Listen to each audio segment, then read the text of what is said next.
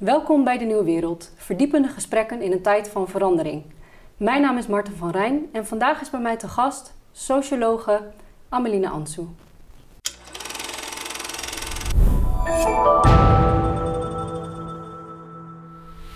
Goedemorgen. Dag Ameline, welkom. Leuk dat je er bent. Ja. Ehm, jij verloor je moeder op 23-jarige leeftijd en vervolgens je vader op 27-jarige leeftijd. Ik zelf ehm, ben mijn vader ook verloren op 19-jarige leeftijd. Hele verdrietige gebeurtenissen die de aanleiding eigenlijk vormen voor ons gesprek vandaag, wat zal gaan over rouw. Ja. Jij hebt daar een boek over geschreven. Van harte gecondoleerd. Jong en verder zonder ouders. Het boek over rouw zonder zwart randje. Ja. En ik las die titel, een boek over rouw zonder zwart randje. En ik dacht, wat bedoel je daarmee? Kan je dat toelichten? Ja, nee, ik vind... ehm, ja, wat, mij altijd opvalt als we het hebben over rouw in Nederland... is dat we eigenlijk niet zo goed leren omgaan met de dood en rouw. Eh, en we maken daardoor heel zwaarmoedig en ehm, eh, ja, gewoon heel heftig. En rouw is heel erg verdrietig en pijnlijk. En ik had uiteraard het liefst mijn ouders nu gehad en jij ook uiteraard je vader. Maar praten over rouw betekent niet per se dat het heel erg zwaarmoedig hoeft te zijn. En ik vind dat, dat, dat daar wat luchtigheid in mag komen. Dus vandaar dat ik het eh, over rouw zonder zwart randje noem. Wat luchtigheid. Want ehm, op dit moment als je kijkt hoe we het hebben in de samenleving over rouw... gaat het dus eigenlijk vaak over eh, zware onderwerp, het zware onderwerp, de zware kant ervan. En jij zegt van ja, het is eigenlijk niet alleen maar zwaar. Het is een cocktail van emoties met zwaar, een zwaar element. Ja. Maar dat is niet het enige. Nee, want kijk, het verdriet is gewoon ontzettend pijnlijk. En dat, dat wil ik ook zeker niet bagatelliseren of iets. Dus dat, dat moet echt helder zijn. Want dat zeggen mensen soms wel van ja, maar het is gewoon pijnlijk. Ja, tuurlijk, het is hartstikke pijnlijk. Alleen erover praten, dat Mhm. hoeft niet per se eh, alleen maar pijnlijk te zijn of alleen verdrietig. Hè? Dus Ja. ik heb voor mijn boek een jaar lang mensen gesproken die net als ik te jong boven de kist van hun vader of moeder hebben gestaan.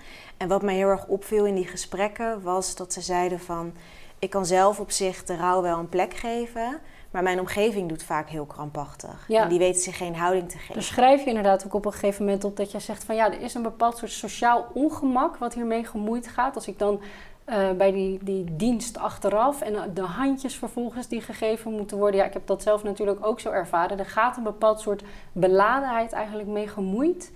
Waarvan we misschien moeten zeggen van oké, die beladenheid zou niet op die manier zo aanwezig moeten zijn. Omdat het iets is wat bij het leven ook hoort.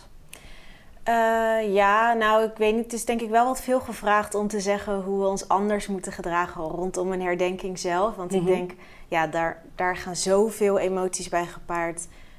Eh, ja, ik weet niet hoe je ver je dat kunt sturen. Maar ik bedoel meer op het praten over rouw vooraf. Hè, dus als je weet dat iemand gaat sterven, wat je, wat je soms ziet, is dat mensen uit ongemak gewoon niet goed weten hoe ze zich een houding moeten geven.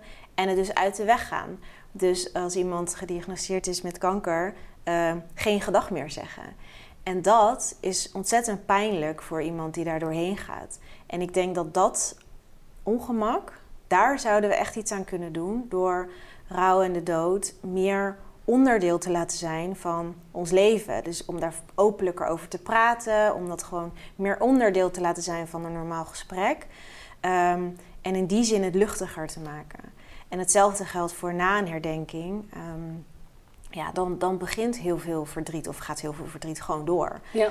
Ehm, en ik denk dat het gewoon goed is dat je daar als omstander ook, van bewust bent en blijft. En ik wil niet zeggen dat je dan altijd eh, elke week eh, eh, ernaar moet vragen. Maar het moet gewoon meer onderdeel in ons systeem worden van hey, leven, weet je wel, geboorte hoort bij het leven, maar de dood Hoort ook. er ook bij. En Ja. dat kunnen we niet eh, wegstoppen. En het, het, ja, als ik gewoon zie van hoe, ehm, hoe heel veel nabestaanden, de behoefte van nabestaanden ook om, om, ja, om daar ruimte voor in hun leven te hebben. Want dat, dat, dat, dat is gewoon zo belangrijk. Ja, en het is er eigenlijk in die zin op dit moment ehm, nog te weinig, om het zo te zeggen, die ruimte. Ik bedoel, als Ja. ik kijk ehm, nou ja, naar de ervaringen, eh, hoe, hoe ik het bij mezelf ook heb gehad, is dat het is best een afgebakende periode waarin je eigenlijk met rouw bezig bent. En vanaf daar wordt eigenlijk ook weer verwacht redelijk snel van je dat je bepaalde dingen in je leven weer oppakt. Dat je uh, verder gaat met dingen. En op het moment dat je in dat proces zelf eigenlijk zit, hebben veel mensen er aandacht voor, maar daarna uh, verslapt het een beetje. Met ook het idee van, nou je bent ergens misschien overheen. Of je bent ergens naartoe aan het werken dat je het verwerkt. Maar dat heersende beeld eigenlijk van het idee van, oké, rouw is iets wat we met z'n allen verwerken. Um, klopt dat eigenlijk? Of zouden we dat anders moeten zien? Ik denk dat het heel erg afhangt van de persoon. Hè? Want kijk, um, ik denk dat bijvoorbeeld ook in jouw geval ook het hangt ook af van de leeftijd. Weet je? Dus ik sprak mensen in mijn boek die waren ook uh, ja, nog net geen twintig toen een ouder overleed. En mensen die waren begin dertig. En um, een vrouw die nu begin dertig is, maar toen nog geen twintig, die zei: Ik ben ergens een beetje jaloers op hoe vrienden om mij heen nu omgaan met als iemand uit onze vriendengroep iets naars meemaakt.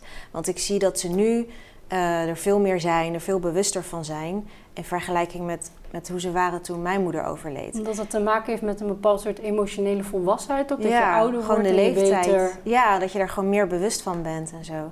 En, en zij zei, ja, ik ben blij dat ik ze toen niet uh, daarin heb losgelaten. Of dat, dat echt kwalijk heb genomen. Maar ik zie wel echt verschil en dat is wel pijnlijk. En ik denk ook dat de mate waarin mensen naderhand vragen uh, na een half jaar, na een jaar, na vijf jaar, na tien jaar, mm. um, hangt er ook vanaf hoe je er zelf als nabestaande mee omgaat. En ik weet niet, weet natuurlijk niet hoe dat bij jou was, maar in hoeverre je zelf ook uitstraalt van ik wil verder. Of uh, ik vind het heel moeilijk om hierover te praten, dus begin er maar niet over.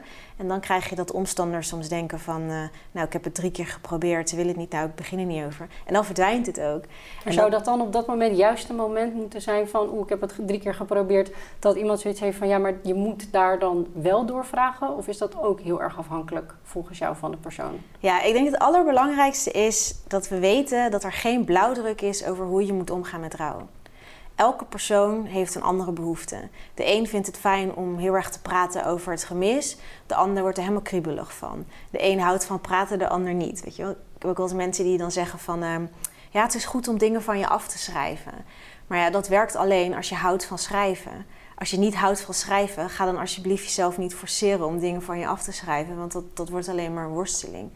En ik denk dat juist omdat we uh, niet goed leren omgaan met de dood... of daar... Ja, ruimte voor laten, plakken we een soort eenduidige mal van: oké, zo moet je omgaan met rouw. Weet je, als iemand dood is, ben je verdrietig. En, maar als, uh, ja, als je een hele lange nare periode hebt gehad, voor, vooral voor jongvolwassenen dan, en je denkt, nou, ik ga eens even een avond uh, gewoon helemaal los in een discotheek. Ja, daar is niks mis mee. Maar omdat wat je dan soms krijgt, is dat mensen het beeld hebben van... hè, maar je moeder was toch net dood? Uh, dan kan je toch niet gaan feesten? Zo, en dat er eigenlijk een soort sociale, maatschappelijke norm... omtrent hoe we met verdriet of verlies om zouden moeten gaan. Nou, ik denk dat, dat mensen hebben er gewoon een eenduidig beeld bij.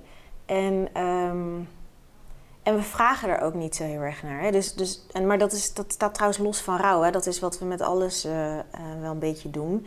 Zo van wat je zelf gewend bent, of hoe jij ermee omgaat, dat plak je op de ander. Maar wanneer het om rouw gaat, is het gewoon belangrijk dat je er naar vraagt. Of dat je dat zegt. Ik bedoel, het zou in die zin een, een goede opening eigenlijk zijn op het moment dat je iemand in je omgeving hebt die hiermee te maken heeft om te vragen: wat is voor jou een, een prettige manier? Wat, wat wil je van mij hierin? Om dat ja. gesprek eigenlijk op die manier aan te gaan en te vragen. Ja, ja en gewoon in de zin van. Um, um, ja, ik weet gewoon echt niet wat ik tegen je moet zeggen. Ik wil heel graag iets voor je doen, maar ik ben ook bang om. Uh, ja, om juist het verkeerde te doen. Of ja. iets, weet je. En, en dat toegeven, daarin ook misschien zelf eigenlijk kwetsbaar worden. Want veel mensen hebben moeite, tenminste in mijn omgeving wat ik heb gezien, moeite met een bepaald soort kwetsbaarheid die daarmee gemoeid gaat. Om jezelf dan uh, van ja, wat, wat, moet ik zeggen? En uh, ik ja. weet het eigenlijk niet zo heel goed. En ja, dat ongemak en je daarin zelf ook kwetsbaar durven opstellen. Durven te zeggen van ik weet eigenlijk niet uh, wat hierin het juiste voor jou is. Misschien kom je daarin veel verder dan nou ja, bijvoorbeeld de woorden die mensen wel zeggen van uh, ja, maar uh, zometeen wordt het beter. Of proberen al ergens naartoe te gaan, terwijl ja. daar veel minder behoefte eigenlijk misschien ja. aan is op dat moment. Ja, en, en ergens denk ik ook wel, kijk, ik geloof ook niet dat het nooit niet ongemakkelijk zou worden. Hè? Want ik bedoel, ik heb heel veel gesprekken gevoerd met mensen die best wel nare dingen hebben meegemaakt. En alsnog, als er nu weer een nieuw iemand komt en die vertelt in twee zinnen wat er is gebeurd, dan sta ik ook vaak genoeg met mijn mond vol tanden. En dan weet ik ook niet wat ik moet zeggen. Dus dat je dat hebt, dat is ook gewoon een menselijke reactie. En daar, daar is ook niks mis mee. Alleen, ja, vlucht daar dan niet voor weg. Wordt het wel ehm, makkelijker?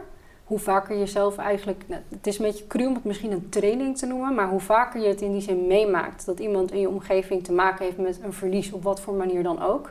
train je daarmee eigenlijk dan ook jezelf om Ehm, te vragen aan iemand hoe, hoe gaat het daarmee en wordt het op een gegeven moment makkelijker? Uh, ik weet niet of het makkelijker wordt, maar ik merk wel dat ik. Uh, nou, wat ik altijd als tip meegeef is van nou, eh, noteer de sterfdatum van iemand, ouder of broer of zus of maar niet wie, met jaarlijkse reminder in je agenda en stuur altijd een berichtje. Of dat je ook na x aantal maanden gewoon vraagt, wat moest daar je denken? Dat, dat zit er bij mij wel meer in, ja. Ja, dus je probeert daar meer eigenlijk ook meer rekening mee te houden, in die zin met de ander, en, en je gedrag daar ook wat op aan te passen? Ik weet niet of het rekening houden is met. Ik denk dat het ook is omdat je het gevoel herkent. Dus uh, ja, ik vergelijk het soms een beetje op een gekke manier met liefdesverdriet. Maar wat ik merkte was dat uh, nadat de relatie uh, verbroken was, dat dan sommige vriendinnen na een jaar of weet je wel, na acht maanden vroegen van goh, hoe gaat het eigenlijk met je? Omdat ze zelf ook wel eens liefdesverdriet hadden gehad. En wisten dat dat na acht maanden nog steeds best wel, weet je wel, echt zou kunnen spelen. Ja. ja. En, um, maar als je rouw van zo dichtbij dat niet hebt meegemaakt, dan ja, zit het ook minder in je systeem en dan verdwijnt dat. En dat komt denk ik wel omdat we er dus zo weinig aandacht aan besteden. Maar het rouwen uh, in die zin, het, het blijft wel. Ik bedoel, als ik kijk bij mezelf, het is niet iets waar je op een gegeven moment uh, van zegt van nou heb ik het verwerkt. Nee. Of nu ben ik er overheen. En dat is ook wel denk ik een heel um, nou ja, dwingende, nou ja, persistente gedachte eigenlijk, die leeft van oké, op een gegeven moment uh, heb je het verwerkt of heeft het een plekje gekregen of is het op een bepaald soort manier klaar. Ja. Maar dat nee. idee klopt niet helemaal. Nee, ik denk, uh, ja, ik, ik, ik rouw nog steeds om mijn ouders. Het is wel anders uh, als toen ze net overleden waren. Wat voor manier is dat anders geworden? Nou, ik vergelijk het wel eens met. Um, uh, het is niet meer een. Um, ja, hoe zeg je dat? Het, het is nog wel pijn, maar niet meer zo. Onmiddellijk. Nou, ik, zit nu, ik, ik weet dat ik het ergens. Uh, mag ik het opzoeken? Ja, tuurlijk. Zeker. Even. Ja, ik, had, ik had het zelf omschreven als: rouw is niet iets waar je overheen komt. Het is een levenslang traject. Het is pijnlijk, je wenst het niemand toe en het is vermoeiend. Maar mijn ervaring is dat de rouwpijn wel minder, milder wordt. Het gemis blijft bestaan, maar het is niet meer op de voorgrond aanwezig. Het is niet langer een gigantische steekwond recht in mijn hart, maar eerder een stukje glas waar ik af en toe intrap. Dat doet ook zeer. Ik ga ervan vloeken en er springen zeker tranen in mijn ogen. Maar ik hoef niet meer naar het ziekenhuis. Een pleister die door een behendig familielid of vriend of vriendin wordt opgeplakt, volstaat meestal. En zo niet, dan duik ik gewoon mijn bed weer in. En ja, dat is voor mij hoe, het dan, ja, hoe ik nu rouw zie, zeg maar. Ik vind het een mooie analogie. Eigenlijk dat het af en toe, uh, het komt af en toe in die zin naar boven. En vaak op de, de raarste momenten. Ja. Want je kan eigenlijk van tevoren niet... Je, je maakt je wel eens een inbeelding erbij. En zeker ook op bepaalde, hele bepalende momenten. Bijvoorbeeld nou ja, het afstuderen. Uh, als er echt zo'n mijlpaal in je leven komt, dan denk je... Waren mijn ouders of was mijn, mijn vader of moeder hier maar bij? Dus Ja. dan verwacht je eigenlijk dat het opkomt. En dat is ook zeker zo op dat moment. Maar het zijn ook eigenlijk hele kleine dingen waar het, uh, waar het in kan zitten. Ja, en, ja. en dat hangt denk ik ook heel erg af van wat je, uh, wat je band was. Of wat je... Um, bijvoorbeeld, ik vond, ik vond af mijn afstuderen... Ik keek er onwijs tegenop. Want het was een gebeurtenis waar je heel blij moest zijn. En ik kon alleen maar denken... Ik moet straks een zaal inlopen met allemaal mensen die er met hun ouders zijn. En die heb ik niet. En ja, mijn oplossing daarvoor was om gewoon heel veel mensen uit te nodigen. En te zeggen, ja, ik vind het heel belangrijk als je erbij bent. Uh, en dat hebben ze ook gedaan en daardoor had ik een hele leuke uh, bijeenkomst, zeg maar. Um, maar het is soms ook inderdaad een herinnering aan. Dus laatst sprak ik iemand en die zei... ik heb vier jaar niet kunnen zeilen... omdat dat iets was wat ik altijd met mijn vader deed. Terwijl, ja, als ik zou gaan zeilen, ja, dan ik heb daar geen associaties mee of zo, dus dan doet dat niks. Het ligt heel erg aan wat je met je, ja, met je ouders of met de persoon die komt te overlijden hebt meegemaakt uh, wanneer zulke dingen opkomen. Ja, en ik denk dat dat ook heel goed is voor uh, omstanders om je daar bewust van te zijn. Hè? Dus um, bijvoorbeeld iemand anders die ik sprak, die zei... Mijn vader hielp me altijd met verhuizen. Uh, en toen ik dan weer een keer... Weet je, een verhuizen is natuurlijk sowieso gewoon hartstikke rot. En toen zei ze ja, en nu was mijn vader niet, dus dan is het dubbel op. Want en je moet verhuizen, wat al niet leuk is, maar je mist dan ook die persoon extra. Ja. Dus zij zei ja, voor mij was het echt goud dat heel veel neven in mijn omgeving zeiden van, oh je gaat weer verhuizen, welke dag is dat? Ik schrijf die dag op, we zijn er. Ja, en, en dat is in die zin ook wel het mooie als je weet van mensen die dicht bij je staan, die door zo'n proces meegaan, die dat proces meemaken. Ehm, eigenlijk ook een soort actieve herinnering bij jezelf aanzetten van oké, dat was belangrijk voor hem of haar om te doen met die persoon. Dan is het op zo'n moment eigenlijk extra belangrijk misschien ook dat er iemand is die niet die rol inneemt van een ouder, maar wel die daarbij extra ondersteunt. Ja. Ja. ja, want eigenlijk zeg je daarmee ook van... hé, hey, ik weet dat dit voor jou... Ik zie jou. Ja, ik zie jou. Ja, ik, ik, merk dat dit belangrijk voor jou is... en ik wil er eh, op dit moment voor je zijn. Ja. Ja. En een kanttekening daarbij is wel dat je dus als nabestaande zelf ook een taak daarin hebt en dat je dat moet aangeven. Want mensen kunnen niet in je hoofd kijken en zien wat je wel of niet belangrijk vindt. Ja, zeker. Ehm, jij bent naar Sierra Leone gegaan, want jouw vader uh, kwam daar vandaan en is daar ook naartoe teruggegaan. Ja. Om je vader te begraven te midden van een ebola-uitbraak. En je beschrijft het meemaken van die dienst eigenlijk als alles het tegenovergestelde van wat je in Nederland meemaakte. Ja. Op wat voor manier was dat? Ja, Sierra Leone uh, het ligt in West-Afrika en um, ongeveer 60% is uh, moslim en 30% is christenen en de rest heeft een inheemse geloof. En mijn vader was wel uh, christenen. Um, maar daar is de dood gewoon onderdeel van het leven. Um, als ik kijk naar neven van mijn leeftijd, die hebben een burgeroorlog meegemaakt, een pandemie, nou, weet je. En ook gewoon vaak gewoon leeftijdsgenoten die op jongere leeftijd uh, komen te overlijden. En dat, ik bedoel, dat wens je natuurlijk niemand toe, maar daardoor accepteren ze de dood veel meer. En is de uitvaart ook gewoon echt heel aanwezig en gigantisch. Bij mijn vaders uh, uitvaart begon met een hele grote kerkdienst. Uh, die echt overvol zat en waar iedereen ja, heel veel werd gezongen, bijbelse teksten, noem het allemaal maar op. Um, en daarna volgde een, een rouwstoet naar het kerkhof. En dat was echt met. Ja, er was, was een, een, een, auto waar een foto van mijn vaders gezicht over de gehele voorruit heen geplakt was. En er was een fanfareband. En nou, we liepen echt wel met meer dan duizend man richting dat kerkhof. En dat was gewoon. Het was heel groot. En er sloten ook mensen aan, zeg maar, bij die, die uitvaart. Dus het was gewoon heel ja, het was heel aanwezig. Waar we hier in Nederland eigenlijk een hele ingetogen, kleine, individuele bijna ceremonie hebben, waar je ook individueel veel bezig bent eigenlijk met je verdriet. Was het daar dan veel meer naar buiten toe gedragen? Uh, ja, het was gewoon heel luidruchtig vooral. Het was gewoon de pijn. Iedereen mag horen dat ik pijn heb. Iedereen mag weten dat er pijn is. Iedereen moet onderdeel zijn van die pijn. Zeg maar. wat, wat doet dat? Wat deed dat met je? Nou ja, dat was midden in de ebola-uitbraak, dus ik vond het doodeng eigenlijk. Het deed me heel veel om te zien wie mijn vader was daar, uh, wat voor leven die had en uh, om op zo'n manier afscheid te kunnen nemen. Um, maar ja, gezien de ebola-uh, dacht ik wel van, oh, als hier één iemand uh, ziek is, dan uh, ben ik echt de sjaak. Ja, ik vind het in die zin zo interessant, omdat, en ik, ik weet niet of dat klopt, maar als je spreekt over, we doen dat ergens met een groep en het is luid en het is aanwezig, kan ik me er ergens bij voorstellen dat dat je ook op een bepaald soort manier dan draagt in je verdriet. Dat je je echt, echt voelt dat het um, meer nog dan iets individueels, iets gemeenschappelijks is op dat moment.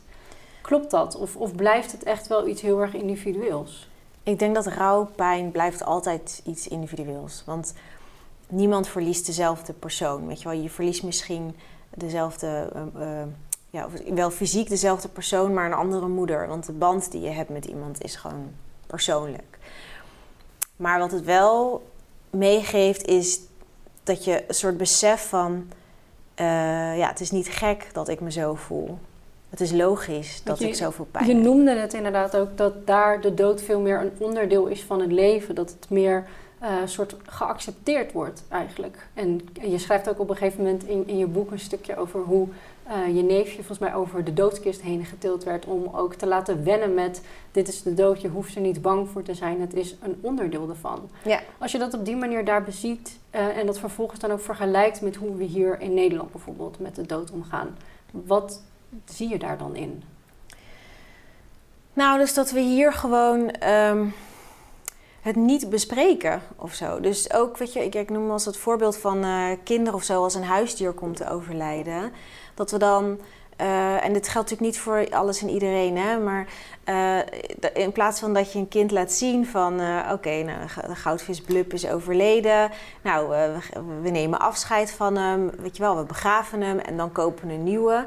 En in, in, plaats daarvan heb je dat mensen dan zeggen, oh de goudvis is dood, haal hem snel weg, koop een nieuwe en we doen alsof er niks is misschien gebeurd. Misschien dan nog niet eens zozeer het bespreken, maar ook echt fysiek de confrontatie. Dat je dus dat inderdaad ziet inderdaad van oké, die persoon. En ja, dat is dat lijden, eigenlijk denk ik sowieso, collectief stoppen we best wel in een verdoemenishoekje. Uh, ja. Een beetje aan de marge van, van wat het leven eigenlijk inhoudt. Het staat een beetje aan de zijkant, alsof het er geen onderdeel van zou mogen zijn. Want lijden, het is iets slechts, pijn, dat willen we zoveel mogelijk uitbannen. Ja. Ehm, daardoor misschien ook kunnen we er een stuk slechter mee omgaan. Eh, ja, want we leren er gewoon niet mee omgaan. En ook, ja, we zijn gewoon bang voor onze eigen dood, zeg maar. En dat is iets, uh, dat, dat zit ook in de mens, zeg maar. Dus dat, ja, je wil alles wat met je eigen sterfelijkheid te maken heeft blokkeren. Dat, dat is ook gewoon logisch. Dat is op zich ook niet erg. Maar uh, vervolgens, ja, mensen om ons heen. Vroeger gingen mensen wel dood, maar doodgaan heeft plaatsgemaakt voor ziek zijn. Dus, en nu heb je ook nou, met de discussies uh, rondom uh, corona en als er mogelijk code zwart is.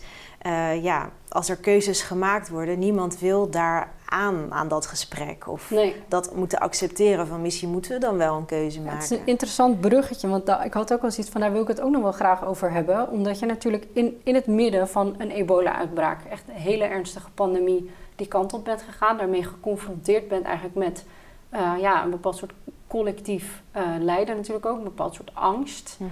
Ehm, die ervaring die je hebt, wat doet dat met de manier waarop jij nu op dit moment ook kijkt? Of beziet eigenlijk hoe we met het lijden van corona ook in de samenleving, hoe we daarmee omgaan?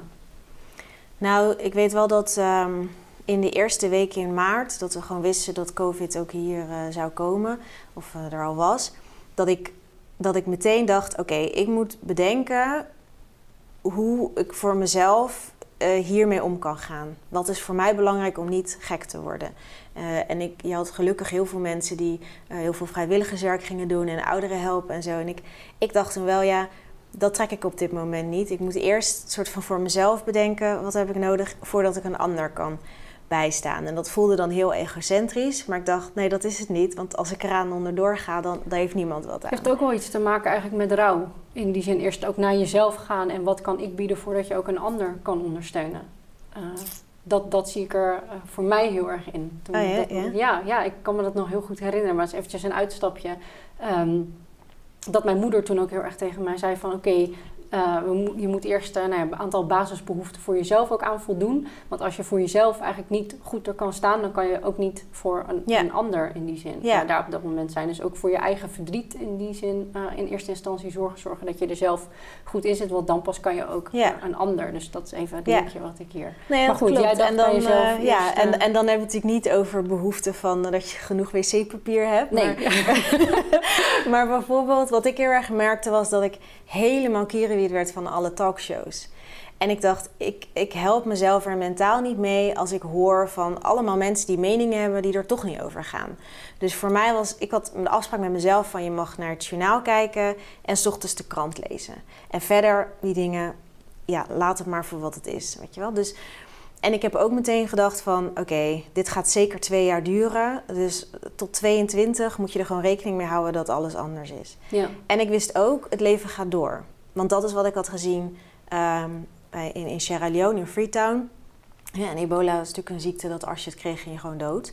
Uh, ik klop nog steeds af. altijd af. Maar, um, en daar hadden ze ook alles gesloten en zo. En, en ja, wat je dus zag, um, ik ben vier jaar later uh, weer teruggegaan. En eh, toen eh, was er in de supermarkt, werd er dan heel vaak gewoon ehm, eh, bier, weet je wel, in de supermarkt werd er heel erg gefeest. En dan dacht ik van, wat is dat? Weet je, waarom ga je in de supermarkt eh, dansen? En toen zei mijn neef van, ja, dat is een overblijfsel van ebola. Want alle clubs waren dicht, maar de supermarkten waren open. Dus wat ze deden was, ja, biertje halen in de supermarkt, afrekenen. Daar de muziek eh, gewoon keihard aan. En gewoon dansen tussen de magieblokjes, zeg maar. En ik vond dat zo tekenend. Omdat ik denk, ja, weet je wel, uiteindelijk... gaat door. Het gaat door. Ja, Ja. het leven gaat door. ja. Hoe gaan we daar op dit moment hiermee om? Met alles vastzetten. Eh, Oh, ja. Ik, eh, ik denk, we doen wat we kunnen. Iedereen heeft het beste voor, zeg maar. Iedereen wil weer terug naar maar ik beproef ook wel iets van dat je, misschien, ik weet het niet zeker, eh, van oeh, we doen wat we kunnen, maar Nou, ik weet niet. Ik, ik, vind niet eh, ik vind mezelf niet de aangewezen persoon om daar weer nog Iets een mening aan toe te voegen. Dat is het meer. Omdat ik denk, ja, ik doe ook maar... eigenlijk wel ook. Nou, nee, maar ik denk al, eh, ja, we hebben al eh, ineens eh, 17 miljoen virologen. dat ik mezelf er niet aan toevoegen. Nee, ik denk echt oprecht dat, dat, het, dat het gewoon voor iedereen belangrijk is dat je doet hoe, ja, hoe, hoe, ja, hoe jij ermee kan leven. En begrip blijft houden voor hoe dat voor anderen is. En dat dat niet per se hetzelfde is zoals hoe jij het ziet. En dat je elkaar daar niet op aanvalt. Ja, En dat is wel iets wat me nu zorgen baat, met name met ja, rondom het wel of niet vaccineren. Dat je gewoon ziet van, ja, als je het wel doet, dan, of als je het niet doet, dan ben je dus tegen of iets. of dan, een soort ver- verruwing daarin en eigenlijk ook... eh, ja, en, en, dat, en omdat, omdat het ook, kijk, het is ook wel vaak, nu, nu is het zo van, ja, als jij het niet doet, dat heeft dan invloed op het leven van de rest. En, en dat botst, omdat we dat volgens mij ook gewoon niet gewend zijn. Nee, En dat, ehm, ja, daar kunnen we niet zo goed mee omgaan. gemeenschappelijkheid in plaats van eh, je doet iets voor jezelf. Nu komt opeens die gemeenschap in die zin heel erg Ja, want normaal denk je heel erg, eh, heel erg van, eh, oké, wat jij, hoe jij je leven leidt, prima, dat heeft geen invloed op wat ik doe. Maar nu hebben we een situatie waarin hoe een ander zijn leven leidt misschien invloed heeft op jezelf. En dat botst heel erg. En ik denk dat we daar wel gewoon echt goed oog voor moeten blijven houden van, ehm, ja, dat je niet jouw normen en waarden plakt op de ander en, en andersom.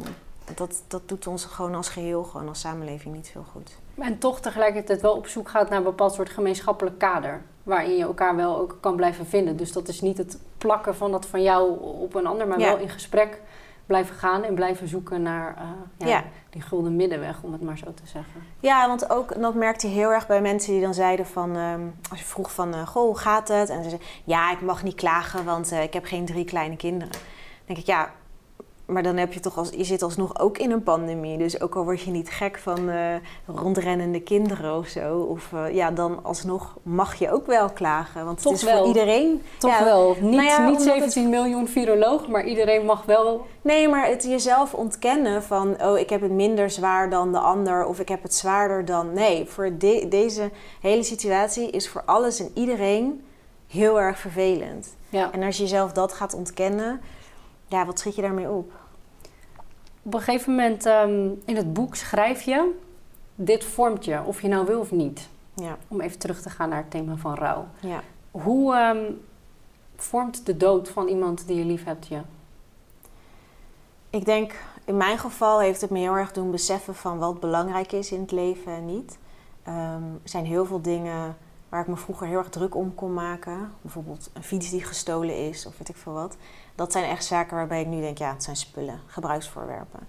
Ehm, ik zeg ook wel eens van, ik denk dat de kans dat ik een midlife crisis zal krijgen echt heel klein is. Omdat ik gewoon op jonge leeftijd al geconfronteerd ben met... Ja, maar ook geconfronteerd ben met, dit is wel belangrijk, dat is niet belangrijk. Ehm, ja, je, je wordt gedwongen om na te denken over best wel essentiële zaken die je anders best wel voor je uit kunt schuiven. En dat vormt je. En ook als ik kijk naar ehm, nou ja, in, in vrijwilligersnetwerken of in verenigingen, als je dan, je hebt gewoon het gewone praatje van goh, wat doe je, bla bla. Ehm, maar als je dan mensen wat beter leert kennen, merk ik dat er heel vaak, zeg maar, mensen zijn dan of mantelzorger geweest of hebben in de familie iemand die iets heeft. Of weet je dat er een soort link zit met niet per se met rouw, maar wel met de hardere kant van het leven. Of Ja. dat niet alles uh, rooskleurig is. Zonne, zonnestralen. En, ja, ja. En ik denk dat dat je heel erg vormt. Ja, nee, zeker. Dat, ik kan daar wat dat betreft uh, over meespreken. En um, ik zie het af en toe ook wel eens iets zonder dat um, je het wil, het wil verheerlijken, maar ook wel als iets waar ik als persoon wat uh, sterker misschien uit ben gekomen.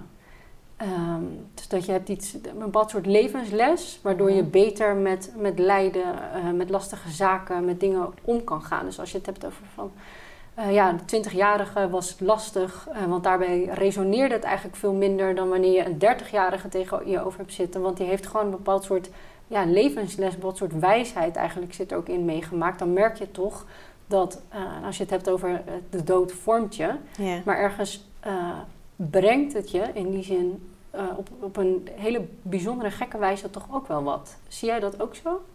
Ja, maar ik vind het dubbel. Want ja, ik ben echt een geboren en getogen Rotterdammer. Dus het is echt uh, niet lullen, maar poetsen. En ook van, uh, ja, what doesn't kill you makes you stronger. Mm. En ik weet zeker dat die insteek en die mentaliteit heeft me heel ver gebracht. Hè. Het heeft me, nou, om iets te noemen, doorzettingsvermogen om een boek te schrijven gegeven. En tegelijkertijd denk ik, ja, maar ik vind het niet gezond. Want... Leg eens uit, wat, wat vind je niet gezond uit? Nou, um, Iemand anders wees me erop die zei: Ja, maar soms, waarom kan verdriet niet gewoon verdrietig zijn? Waarom moet je ergens dan sterker of beter van worden? Want misschien word je er helemaal niet sterker van. Misschien realiseer je wel van: Ik kan dit helemaal niet aan. En, uh, en, en wat zou daar dan mis mee zijn? En toen dacht ik: Ja, weet je, eigenlijk heb je gewoon hartstikke gelijk. Want soms gebeuren dingen gewoon en is het gewoon vervelend. Punt. En hoef je er niet beter uit te komen of, of, of, of iets van te leren. Of, weet je, het mag er ook gewoon zijn. En um, ik denk dat dat wel uh, een gezondere insteek is. Gewoon voor je persoon. Dan uh, het idee hebben van: oké, dit overkomt me nu. Maar het is, ik, ik word er sterker van. Of, weet je, want dan leg je zelf ook weer een extra druk op. Ja, aan de ene kant ben ik het zeker met je eens. dat je zoiets hebt van oké, het, mag, het mag alleen zo zijn. Maar tegelijkertijd vraag ik me wel ook af. Als je, als je daarin blijft zitten van het is alleen verdrietig. Uh, zie ik ook wel een, bepaald soort risico ergens in. Om dan heel erg te verblijven misschien bij dat verdriet. Um, nee, ja, dat hangt van de persoon denk ik af.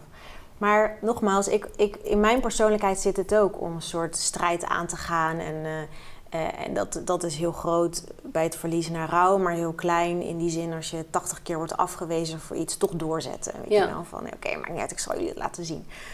Um, maar eigenlijk heeft ook dit in die zin weer te maken met, en je noemde het net eigenlijk heel mooi, dat ver, verlies, het, het rouwen is zoiets heel persoonlijks. En je kan eigenlijk niet ook hetgeen hoe jij daarmee omgaat opleggen aan een ander. Nee. En als het voor jou inderdaad iets is van oké, het heeft me uh, nou ja, ook tot op zekere hoogte iets gebracht en ik ben er sterker van geworden, dan werkt dat voor jou. Maar dat betekent in die zin niet dat iedereen past in dat narratief. Ja, of dat het een, dat het een iets is wat moet. Ja. Wel? Je hoeft er niet sterker uit te komen. Je mag het ook gewoon. Ja, het is je goed recht om dat helemaal niet te hebben. Maar ik, ik snap wel dat, ik, tenminste, ik proef dat een beetje bij jou, dat je ergens ook wel, uh, hoe zeg je dat? Het, het, het, het is ergens een geruststellende gedachte om te weten wel van, oké, maar door die ervaring kan ik nu dit of heb ik meer kracht voor dat, zeg maar. Ja, en het heeft bij mij ook wel ergens te maken met, uh, ik vind dat een heel mooi begrip, amor fati. Het houden eigenlijk van je, je lotbestemming, om, om, om, maar zo te zeggen. Dus um, je wordt geconfronteerd in het leven met lijden, op wat voor manier dan ook. Ja. Maar door daar uh, mee om te gaan en door dat uh, nou ja, een plekje te geven, zou ik het niet willen noemen, maar door daar uh, mee te leren leven en dat te dragen, um, ben je ook de persoon die je vandaag de dag bent. En daar zeg ik zelf in die zin wel een volmondig ja tegen. Ja, ik ook. Maar daarin zeg je eigenlijk dat je dus leert omgaan met dat wat, wat je overkomt. En niet per se dat je daar dan dus sterker of beter uitkomt. Zeker, nee, daar heb je een goede, goede nuance. Nee, dat heeft, heeft, er, heeft er echt, uh, uh, ja, dat is een goede toevoeging daarin. Want um, ja, de, ermee leren omgaan uh, is voor iedereen natuurlijk op, een, op een ander soort manier, doen ja. ze dat. Ja. ja. Goed, ik ben eigenlijk nog benieuwd ehm, als afsluiter. Wat is het belangrijkste advies dat jij hebt gekregen op het moment dat je nou ja, die verschrikkelijke gebeurtenis, de dood, uh, eigenlijk doormaakte? Waarvan je zoiets hebt van dit wil ik meegeven aan iemand anders, want ze kunnen daar iets aan hebben. Ja, wees niet te streng voor jezelf. Dat, uh, weet je, de dood meemaken van een dierbare om je heen is ontzettend heftig en pijnlijk. En um, hoe je daarmee omgaat, hoe je dat daar vervolgens mee deelt, is aan ieder voor zich. Maar wees niet te streng voor jezelf. Dankjewel voor dit gesprek, Ameline. Ja, graag gedaan.